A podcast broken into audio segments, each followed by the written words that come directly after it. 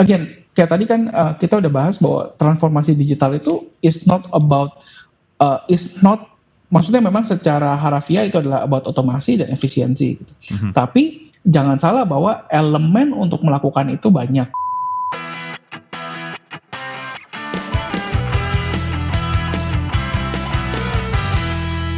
Podcast ngobrolin startup dan teknologi bareng gue Imbre dan di episode kali ini kita akan ngobrol bareng Mas Aldi, Renaldi Cahaya. Uh, beliau adalah Director of Strategy and Operation dari Mid Plaza Holding yang kebetulan sekarang lagi megang Ayana Hotel dan kita akan bahas tentang transformasi digital yang dilakukan di bisnis-bisnis konvensional bareng Mas Aldi. Kita panggilin aja. Oke, okay, halo Mas Aldi, apa kabar? Halo, halo. Nah, Mas Aldi, makasih nih udah mau diajakin ngobrol-ngobrol. Uh, uh, sama-sama, thank you for having me. Jadi dulu terakhir kita kayaknya ketemu pas di masih di Bright Story ya? Ya benar, lagi di Bright masih di Bright Story. Udah berapa tahun tuh kayaknya lima tahun yang uh, lalu ya? Luar lebih, lebih, lebih, lebih, Mungkin enam tujuh tahun. Aku yeah. di Mid Plaza aja udah udah lima tahun lebih. Iya benar, benar, benar. Uh, uh. Nah, uh, Mas Aldi, jadi sebelum kita ngobrolin lebih jauh, uh, kalau boleh perkenalkan diri sedikit dong, Mas. Oke, okay. ya Ya, uh, saya Renaldi. Uh, apa namanya? Sekarang sehari-harinya uh, seperti yang tadi Imre bilang, saya bekerja di Mid Plaza Holding uh, dengan uh, khususnya spesifik uh, lagi ngerjain project di Ayana Hotel. Ya, lagi ngurusin digital transformasi di Ayana Hotel. Uh, sebelum ini, seperti yang tadi Imre udah bilang, uh, pernah kerja di Story jadi CIO dulu. Nah, itu sebelumnya kerja di Microsoft Asia Pacific jadi business intelligence and data consultant. Tapi sampai sekarang lu masih megang urusan data atau udah lebih luas lagi, Mas? Uh, udah lebih luas lagi, tapi tetap at core sih data is always in my heart ya. Maksudnya karena kalau gue ngerasanya um, kalau lu anak data tuh ngerjain apa-apa gampang. Hmm. ya, beneran. Iya iya iya iya. iya. Gue dulu uh. juga ngerjain data kan, tapi sekarang uh, eh, gue lebih banyak ke infranya, infra. Oh. Tapi nah, yeah, jadi gue yeah. sekarang bisa pindah-pindah, nggak cuma data doang domainnya. Oh iya iya. iya. Nah Mas Aldi, yeah. gue pengen belajar nih dari lo malam ini uh, tentang uh, apa ya konvensional bisnis, kemudian ngebahas tentang digital transformation. Yeah. Ya. Uh, karena kita tahu kan Ayana itu kan sebenarnya core bisnisnya adalah hospitality kan. Cuma ya. ketika uh, gua lu cerita ke gue kemarin tentang ada transformasi digital di Ayan Hotel. Nah, gue penasaran sebenarnya apa sih yang ditransformasi? Nah, gue pengen tahu kalau menurut lu sendiri transformasi digital itu kayak gimana sih Mas Aldi? Uh, sebenarnya yang paling gampang itu sebenarnya adalah uh, transformasi secara umum itu adalah otomasi ya. Oke. Okay. Otomasi sehingga uh, apa namanya kita itu bisa uh, ujung-ujungnya adalah mencapai efisiensi gitu kan. Okay. Nah sebenarnya kalau secara garis apa namanya secara high level ya transformasi digital tuh is all about that. Gimana hmm. caranya uh, konvensional kita automate gitu kan. Uh, kalau kalau benar-benar harafiahnya, tapi of course implementasinya itu bertahap gitu kan. Contoh yang mungkin um, sama lah kalau zaman dulu uh, pembukuan waktu mungkin zaman papa mama kita pembukuan itu pakai kertas ya ditulis satu-satu gitu ya pakai yeah. ledger yang gede gitu kan ditulis satu-satu gitu nah kan habis itu uh, setelah itu kelar uh, apa setelah itu zamannya Excel mm -hmm. ya kan kita masukin semua kita catat hal yang sama tapi taruh di komputer ya kan yeah. kemudian uh, masuk lagi ke sistem nah jadi sebenarnya yaitu stepnya adalah yang pertama itu uh, otomasi jadi mengotomit apa yang dikerjakan setelah itu optimasi. Oke. Okay. Okay. Sehingga kita mencapai efisiensi. Kurang lebih sih seperti itu. Nah, kalau ngomongin tentang bisnis hospitality Mas Aldi. Kan ya. kalau hospitality itu kayak hotel-hotel, kemudian pesawat -hmm. itu kan sebenarnya udah ada OTA kan. Biasanya Betul. kan kalau gue mau nyari hotel gue akan akan ke OTA. Nah, sementara kalau seandainya udah ada OTA itu kan sebenarnya sebagian dari transformasi kan. Waktu itu kan hotel-hotel dipaksa jadinya harus gabung OTA dan segala macam. Cuman kalau hmm. dari perspektif lu sebagai orang yang udah ngerjain transformasi digital ke di uh, hospitality, sebenarnya bagian mana sih dari hospitality itu yang perlu diotomasi untuk optimasi dan segala macam? Sebenarnya kalau masalah kita bicara otomasi, otomasinya itu end to end. Kalau OTA itu kan kita bicaranya reservasi kan. Oke. Okay. Ya kan. Nah dan juga jangan salah reservasi sendiri itu uh, prosesnya panjang. Artinya kalau misalnya kita bicara OTA, OTA as in uh, apa namanya online travel agent yang kayak hmm. Traveloka dan dan teman-temannya Agoda ya yang terkenal itu. Hmm. Nah itu kan hanya istilahnya mem, mem, mem, memberikan customer sampai ke reservasi. Nah tapi oh. kemudian dari reservasi itu harus key in lagi manual ke dalam uh, kita punya main system gitu kan. Kemudian juga setelah itu harus di manage lagi uh, orang-orangnya dan juga apalagi kalau uh, hospitality bintang 5 they really care about um, your preference and your needs. Nah biasanya OTA itu cuma kasih orangnya aja. Nah hmm. nanti it's up to you again yang istilahnya uh, hotelnya lagi uh, untuk email yang eh Pak Imre apakah Bapak punya preference high floor, low floor, mau punya you know baby cot di kamar atau lagi honeymoon dan kita bisa setup uh, ininya. Nah itu oh, itu baru okay. satu aspek tuh, baru reservasinya aja. Okay, okay. Belum lagi masalah yang lain gitu kan. Ya ya ya ya. Kalau misalkan uh, menurut lu uh, selama lu ngerjain hotel apa bagian yang mungkin selama ini tradisional banget atau konvensional banget kemudian setelah lu transformasiin dengan teknologi dengan digitalisasi itu jadinya dampaknya jadi lebih gede?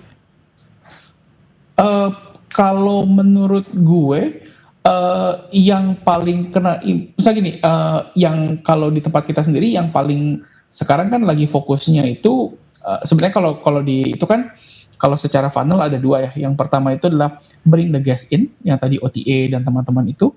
Kemudian adalah bagaimana make sure efisiensi supaya guest itu di dalam itu uh, experience-nya bagus gitu kan. Hmm, Oke. Okay.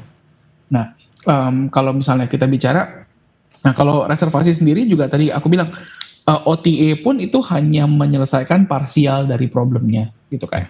Nah, bagaimana kita bisa mengotomasi sisanya sih? Jadi kayak misalnya um, ketika customer itu mau request, uh, misalnya request, saya lagi honeymoon ya, tolong uh, siapin champagne segala macam di kamar. Itu ketika dia reservasi, itu dia langsung uh, bisa request hal-hal tersebut dan ketika dia ada udah langsung langsung barangnya siap gitu okay, okay, itu okay. itu salah satu dan itu uh, itu salah satu yang yang kita kalau mereka punya specific request atau apa mereka merayakan sesuatu nah itu itu uh, menurut aku itu lot of work karena kalau misalnya miss tabunya bisa komplain dan segala macam gitu kan yeah, nah yeah, itu yeah, yeah. jadi uh, heavy heavy banget ini terus kemudian yang kedua yang sering kali terjadi adalah selain OTA itu juga masih banyak orang-orang yang prefernya itu adalah kontak langsung hotelnya untuk reservasi. Masih banyak ya kan? masalah dia? Masih banyak ternyata, oh. masih banyak sekali. Nah ini orang-orang ini tuh juga karena uh, apa itu resource ekstensif di mana uh, setiap reserve apa namanya inquiry yang masuk leads yang masuk itu kan kita harus follow up manual dan segala macam. Nah itu yang kita mau coba uh, kecilkan lah istilahnya istilahnya oh. kita kita minimalisasi dengan istilahnya membuat uh, istilahnya reservasi sistem yang handal gitu kan. Nah itu itu itu satu satu hal. Kemudian hal berikutnya adalah uh, saat ini itu kan um, I think pandemi itu tuh pandemi ini membuat kita jadi berpikir definisi of luxury. jadi uh, beneran. Jadi yeah. misalnya begini, dulu itu luxury itu is all about personal touch. Okay. Ya, uh, kalau kamu ke hotel, uh, it's all about siapa yang bawain luggage kamu, ya. Oh. Kemudian ada yang bukain pintu buat lo, terus kemudian, iya kan? Yeah, yeah, yeah. Ada yang nemenin lo sampai kamar gitu. Yeah, kalau yeah. lu lu check in di hotel ya, yeah, itu yeah, yeah. definisi of luxury kan. Nah sekarang lu belum tentu mau orang pegang tas lu. Iya iya iya iya iya iya. Ya kan, ya, lu belum tentu mau ketemu orang. Iya betul betul. Sebisa tapi mungkin nggak kontak ya. Nah, tapi lu pengen liburan gitu. Iya, iya. Nah, ya kan?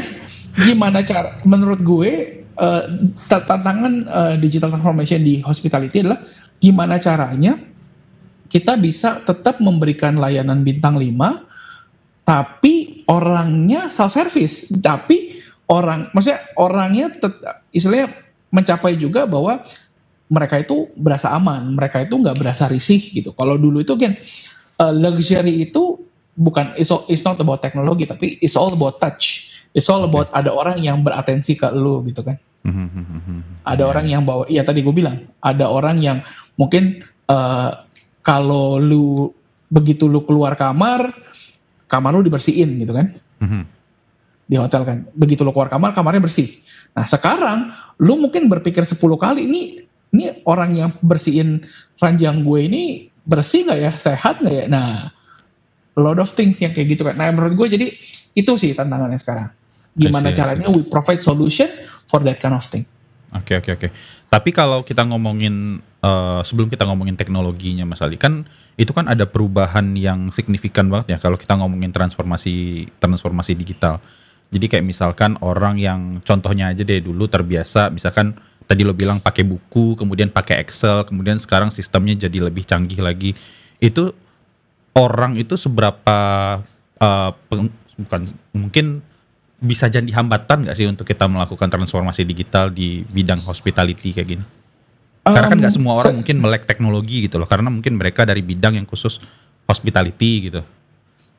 Uh, kalau menurut gue itu pinter-pinternya kita ngerangkul sih. Jadi hmm. sebenarnya uh, seperti yang gue selalu selalu bilang bahwa gue percaya bahwa manusia itu tidak akan pernah tergantikan oleh mesin. Hmm manusia itu akan selalu punya peranan penting dalam suatu uh, ekosistem bisnis ya, yeah. gitu.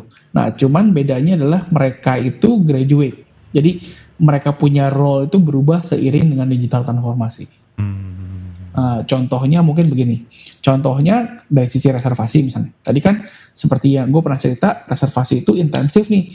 Um, kalau ada inbound masuk orang apa namanya tadi email-email nanya harga kamar, kemudian pengen cek sendiri karena mungkin mereka pengen lebih murah dan segala macam ya. Karena hmm. mereka anggap mungkin siapa tahu kalau kontak hotelnya langsung uh, lebih murah daripada OTA dan segala macam atau banyak juga orang-orang old fashion yang masih istilahnya belum melek teknologi gitu. Karena kan yeah. istilahnya kalau kita bicara Ayana, um, Ayana itu kan untuk uh, apa namanya slightly ini ya luxury luxury yeah. ya. Nah biasanya um, apa anak-anak muda itu sedikit yang istilahnya uh, pangsa pasarnya itu udah di atas uh, hmm. 40 plus lah ya, 45 yeah, yeah. plus gitu. Nah jadi Dong. mungkin secara teknologi mereka belum apa namanya nggak terlalu fasih, nggak terlalu literat literate gitu ya. Okay, okay, oh okay, okay. ya kan. So uh, mereka telepon directly atau uh, apa namanya ngomong langsung sama orang. Nah um, nanti itu berubah gimana caranya instead of mereka doing the hard work key in orang yang making, making reservation mungkin mereka nanti validating jadi hmm. dari doer itu apa namanya dari yang melakukan dari creator sekarang jadi validator gitu okay. kan memastikan bahwa sistem ini mengotomasi dengan benar yeah. gitu kan Terus juga mereka juga banyak melakukan intervensi juga. Misalnya kalau sekarang kan misalnya kayak cancellation reservasi cancellation. Nah itu kadang-kadang kan cancellation itu harus pakai hati. Jadi misalnya dia bilang, oke, okay, uh, eh, gue ngerti, uh, eh, gue udah bayar hotelnya, tapi um, apa namanya, dan ini no no refundable, tapi uh, keluarga gue baru ada kedukaan. Boleh nggak gue gua gua refund gitu kan? Nah sering kali kalau hotel berbintang oh, itu yang kayak gitu itu mereka kasih Oh. Padahal secara rule kan nggak boleh. Nah kalau sistem, kalau kita suruh sistem, sistemnya akan write off bilang, oh sorry, lu nggak bisa cancel. Iya iya iya. Gitu kan. Ya, tapi kalau di, di hotel berbintang, lu harus bilang ini non refundable. Tapi kalau lu mau cancel, tolong contact our reservation team. Of course, in case by case kita akan approve misalnya. Nah itu itu tetap ada tuh yang begitu-begitu. Jadi uh, selama kita bisa mensosialisasikan bahwa mereka itu pegang bahkan sekarang itu mereka pegang role yang lebih penting dibandingkan dulu yeah. Iya. uh, berdasarkan pengalaman aku hampir dua tahun ngerjain proyek ini sih mereka sangat open ya dan juga fokus sama solving their problem gitu Oke, oke, oke, oke. Karena sering kali digital transformation itu kan datangnya top down. Iya, iya, iya. Ya kan, ya. Uh, di atas pengen ganti, yang bawah ini kita nggak nggak rangkul nih. Nah biasanya okay. kalau kita kalau untungnya uh, in my in my apa namanya in my company itu uh, memang secara visi top down jadi uh, istilahnya dukungan manajemen itu uh, abundant banyak gitu kan disponsorin mm-hmm. nah tapi juga uh, kita diberikan kebebasan untuk nge-set the pace kita juga diberi kebebasan untuk uh, find the right approach which is I think the right approach is meskipun visinya top down tapi needs-nya harus bottom up jadi uh, kita coba solve problem what how we can help each and every department. Misalnya kayak hmm. uh, tadi uh, kita bicara uh, tadi misalnya kita ngomongin masalah reservasi aja. Yeah. Reservasi itu uh, mereka itu punya masalah dengan uh, menghandle travel agent karena biasanya di, mereka itu punya uh, commission scheme yang beda per travel agent misalnya. Mm-hmm. Mereka punya package yang beda-beda, promo yang beda-beda untuk travel agent travel agent misalnya, ya kan? Nah itu misalnya mungkin promonya Traveloka dengan promonya di Agoda atau dengan promonya uh, katakanlah um, uh, Bayu Buana atau Smiling Tour misalnya itu berbeda. On offline travel agent itu mungkin beda lagi kickbacknya dan dan, dan pemasarannya gitu kan. Yeah, yeah, yeah, Karena yeah. mungkin kalau yang offline travel agent ini atau uh, mereka uh, biasanya bundle dengan tour dengan segala macam hmm. itu pasti skimnya akan beda dengan yang OTA ya. Gitu. Yeah, yeah, nah yeah. jadi Nah, untuk begini bayangin mereka itu mesti mengingat uh, 50-60 deal. Nah, 50-60 engagement yang beda-beda gitu kan. Mereka harus buka kontraknya, mereka harus lihat kalau yang booking dari travel agent A, oh dapat gratis soft drink, tapi kalau misalnya dari travel agent B, gratisnya french fries misal, misalnya. Nah, okay. itu dan itu exist gitu. Jadi itu gimmick-gimmick itu banyak dan dan itu istilah kita harus follow to the letter kan. Nah, yeah, yeah, yeah, yeah. gimana kalau kita siapin satu sistem di mana ketika istilahnya kita siapin portal, ketika si travel agent ini um, masuk, eh, travel agent ini melakukan inquiry, kita udah langsung tahu tuh uh, profilnya mereka tuh kayak gimana, agreement kita dengan mereka tuh kayak gimana, sehingga ya hmm. kita langsung istilahnya nggak lagi uh, apa namanya resource uh, yeah, yeah. apa namanya ekstensif gitu kan. Iya iya iya iya. Ya. Oke oke kebayang. Iya menarik juga ya. Ternyata selama ini gue melihat dari kacamata uh, pengguna kalau mau pesan hotel ya gampang ya ke OTA. Tapi ternyata dengan semakin banyaknya OTA malah memunculkan masalah-masalah baru juga untuk hotel untuk ke manage betul, hal itu ya. Betul karena tiap yeah. OTA itu nggak mau sama. Tiap travel agent tuh nggak mau promonya sama mereka itu juga pengen punya diferensiator dong. Ah, ya, I see, gitu I see, I see, I see. Nah. Uh, gue jadi penasaran mas, ketika ada hal-hal seperti itu, uh, ketika kita ngomongin transformasi digital misalkan, ada uh, kebutuhan dari luar juga kayak ada banyak OTA, kemudian ada kebutuhan dari tim lo juga misalkan ya untuk reservasi ini kita mengalami kendala seperti ini.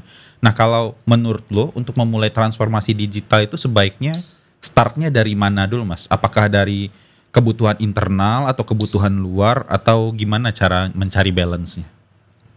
That's a, that's a, that's a million dollar question actually. Maksudnya, uh, ya maksudnya, tapi kalau menurut gue, uh, kenapa gue bilang million dollar question? Karena kayaknya nggak ada benar dan salah ya iya. pertanyaannya. Yeah. Tapi kalau misalnya menurut gue, uh, gue selalu ber, ber apa namanya kita dan apa saya dan tim selalu berpikir gini uh, yang pertama itu what is the impact for the customer.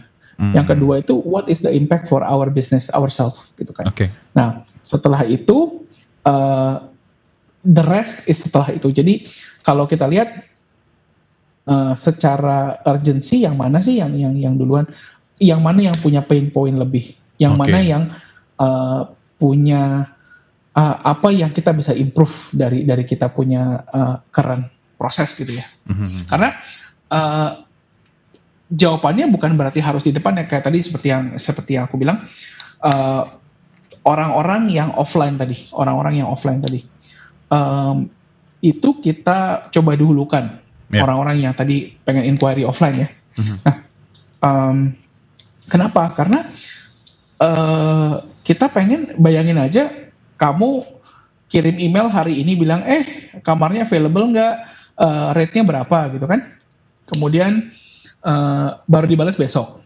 Udah berubah. Ya. Baru ba baru baru dibalas besok gitu kan. Nah, kemudian lo mikir lagi, mikir lagi, mikir lagi. Iya, iya, lo iya. baru reply besoknya lagi. Jadi itu email berterus-terusan tuh gitu kan. Nah, hmm. dan juga istilahnya kita juga nggak ada waktu uh, nggak punya bandwidth untuk follow up email-email yang nanya kabur nanya kabur itu kan. Ah, Mungkin iya, aja iya, iya. jadi opportunity juga hilang. Jadi nah itu yang kita solve duluan tuh. Karena hmm. kita lihat bahwa sekali tepok dua lalat kan kita bisa membuat uh, gimana kalau kita bisa punya inventory yang bagus sehingga customer itu bisa lihat kita punya inventory in real time. Ya, at the hmm. same time, gimana caranya kita bisa memastikan bahwa uh, customer ini dapat informasi uh, secepat mungkin. Gak perlu nungguin kita email-email, gak perlu nungguin kita uh, tektokan lama-lama misalnya. Nice. Nah itu yang yang pengen di pengen dicapai sih, gitu. Ya kan. Oke oke oke oke oke. Oke. Kalau menurut lo, apakah transformasi digital itu yang barusan lo bilang itu uh, bisa apply ke semua hal atau paling cocok untuk hospitality aja kayak yang lo bilang tadi mas? Karena kan uh, kalau menurut gue sih transformasi digital itu sangat-sangat luas ya. Maksudnya um, ya nggak usah jauh-jauh. Misalnya kayak kayak fintech, fintech itu kan juga me mentransformasi uh, yeah. apa namanya mentransformasi mendigital transformasikan uh, simpan pinjam apa simpan pinjam uang kan sebenarnya. Yeah, yeah, yeah, yeah ya kan simpan dalam misalnya misalnya kalau kita punya uh, kalau gue sebut brand misalnya kayak Genius atau apa they, they redefine banking yang uh, paperwork heavy, process heavy yang hmm. cenderung buat anak sekarang bertele-tele gitu gimana caranya supaya gampang. Yeah, yeah.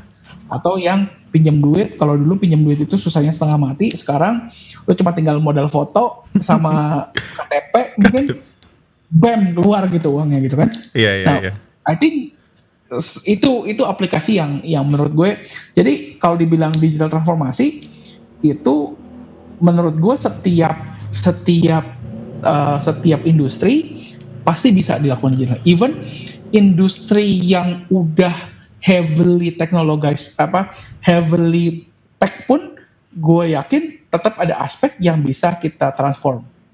Oke. Okay. Tapi mungkin tadi gue bilang instead of automation now how we optimize gitu kan. Hmm, ya, ya, ya. Jadi kalau menurut gue itu continuous improvement yang akan terus-terusan ada sih. Ya, ya, ya, ya.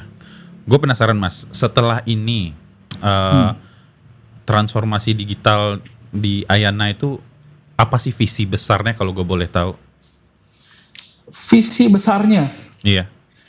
Uh, kalau menurut gue visi besarnya ujung-ujungnya adalah uh, maximizing revenue ya pasti. Hmm, Oke. Okay Maksudnya uh, by the end of the day uh, maximizing revenue itu kita mencapainya dengan banyak cara kan. Mm-hmm. Bukan berarti uh, maximizing revenue itu artinya kita bisa lakukan true optimization, ya kan?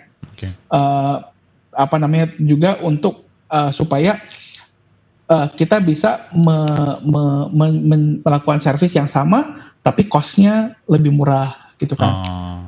At the same time juga bagaimana kita bisa me melakukan apa namanya melakukan banyak optimasi sehingga ya tadi uh, spendingnya customer itu maksimal. I see. Gitu kan. Spendingnya maksimal ya emang. emang harus maksimal spending customer. ya. Oke oke oke oke. Nah, uh, eh, gue penasaran mas dari kacamata lu, uh, lu kan uh, transformasi digital kan udah lumayan lama nih.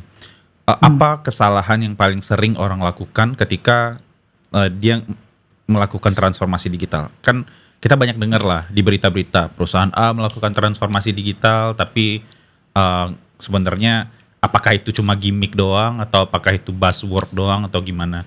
Nah, menurut lo apa sih yang kesalahan yang common ketika orang melakukan transformasi digital yang pada akhirnya membuat mereka jadi nggak bisa transform juga? Um, kalau menurut gue, they start big. That oh. the biggest mistake yang orang pernah sering lakukan ya. Maksudnya starting big itu begini.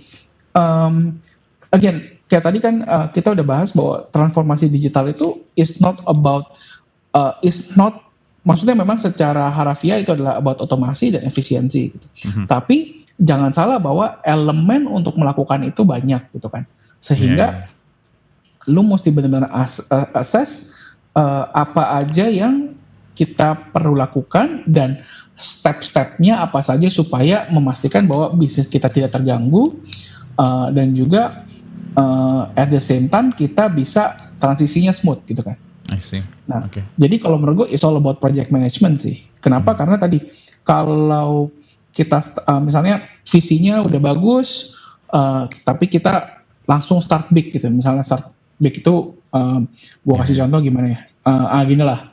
Misalnya tadi kita bicara uh, orang yang ini ya, orang yang uh, pembukuan tadi, orang pembukuan. Hmm. Di mana lo biasanya nulis di kertas gitu. Tiba-tiba lu suruh bikin ledger di SAP, lu bisa nggak? nah itu yang maksud gua. Tapi tapi kan gini, there's nothing wrong with SAP kan. SAP yeah, yeah, itu yeah. adalah terbukti ERP paling powerful sampai to date gitu kan. Iya yeah, iya yeah, iya. Yeah. But why many company fail doing it? I see. Because because they don't they don't have the right mindset and they don't have the right steps menurut gue. Oke. Okay. Karena orang-orang itu masih biasanya nul akhirnya semuanya diakalin. Jadi misalnya contoh um, mereka masih mindsetnya itu karena menurut gue uh, mereka itu kalau misalnya start start big itu mereka udah fokus sama efisiensi tadi, hmm. gitu kan. Sehingga belum ada yang di automate tapi udah diefisiensikan. Jadi semua orang bingung karena mereka tuh masih pemikirannya pemikiran cara lama gitu kan. Hmm. Yang tadi gue bilang. Kalau misalnya lu udah disuruh masukin ledger ke SAP, suruh ngitung apa material kontrol di SAP misalnya ini hitungan ininya berapa, hmm. ya yang biasanya nulis di kertas ini pusing. Yeah, Tapi yeah, kalau yeah. misalnya yang nulis di kertas ini kita suruh pertama mungkin masukin ke Excel, setelah kita masukin ke Excel, diajarin eh Excel itu nggak cuma buat nyatet loh, ada formulanya nih, kamu bisa hitung pakai formula. Setelah formula yang standar, lu ajarin dia pakai if condition misalnya. Jadi ada step-stepnya kan sampai lu achieve sampai eh ini Excel udah nggak sufficient ya kita mau ngitungin kita punya COGS dan misalnya customer acquisition nggak bisa ya pakai Excel ini ya nah hmm. gimana kalau kita coba sistem baru pakai SAP misalnya you know Ya, ya, ya, ada ya. stepnya. Jadi kalau menurut gue sampai lu ngehit roadblock lagi, baru lu berpikir lagi lu mau melakukan apa gitu. Iya. Uh, kalau kalau sebagai pe, pencetus digital transformationnya, I think visi kita untuk SAP itu penting ya. Maksudnya we know that we want to go there gitu okay. one day. Tapi tapi menurut gue impli, apa aplikasinya di lapangan nggak bisa kita uh, kita langsung break ganti gitu aja gitu kan. Mm-hmm. Ya kan. Sama kayak uh, kenapa uh, banyak orang yang kadang-kadang kita bingung kan orang-orang yang tinggal di uh, bantaran kali atau apa mereka mereka nggak mau pindah dari tempatnya mereka gitu. Kenapa hmm. sih direlokasi dikasih rumah lebih bagus mereka nggak hmm. mau gitu. Tapi ya kalau menurut gue that's the thing gitu. Kalau kita mikirnya kan, lah kan lu tinggalnya jadi enak gitu. Kalau mereka mungkin oh dekat sama sungai, you know? Iya iya iya. Oh, iya, iya. Ya kan atau misalnya banyak kan kalau isu-isu di uh, isu-isu yang terjadi gitu sering kali kalau lihat berita itulah pedagang kaki lima direlokasi marah gitu kan. Padahal yeah, yeah, katanya yeah. tempatnya direlokasi ke tempat yang lebih bagus, lebih enak gitu kan, pakai AC betul, mungkin. Betul, betul. Nah, tapi mungkin uh, yang relokasi itu de, yang planning relokasinya don't speak the same language with the pedagang kaki limanya.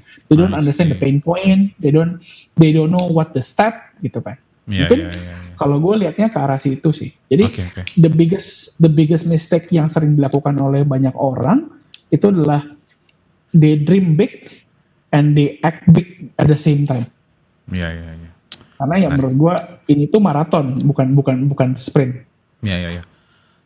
kalau gue boleh tahu mas, uh, berapa lama sih uh, waktu antara misalkan gue nggak tahu berdasarkan pengalaman lo in average ketika lo pengen melakukan suatu transformasi mungkin yang hal-hal yang kecil itu bisa menghabiskan waktu berapa lama sih sampai lo bisa oke okay, kita bisa melihat hasilnya nih sekarang dari sejak awalnya kita planning?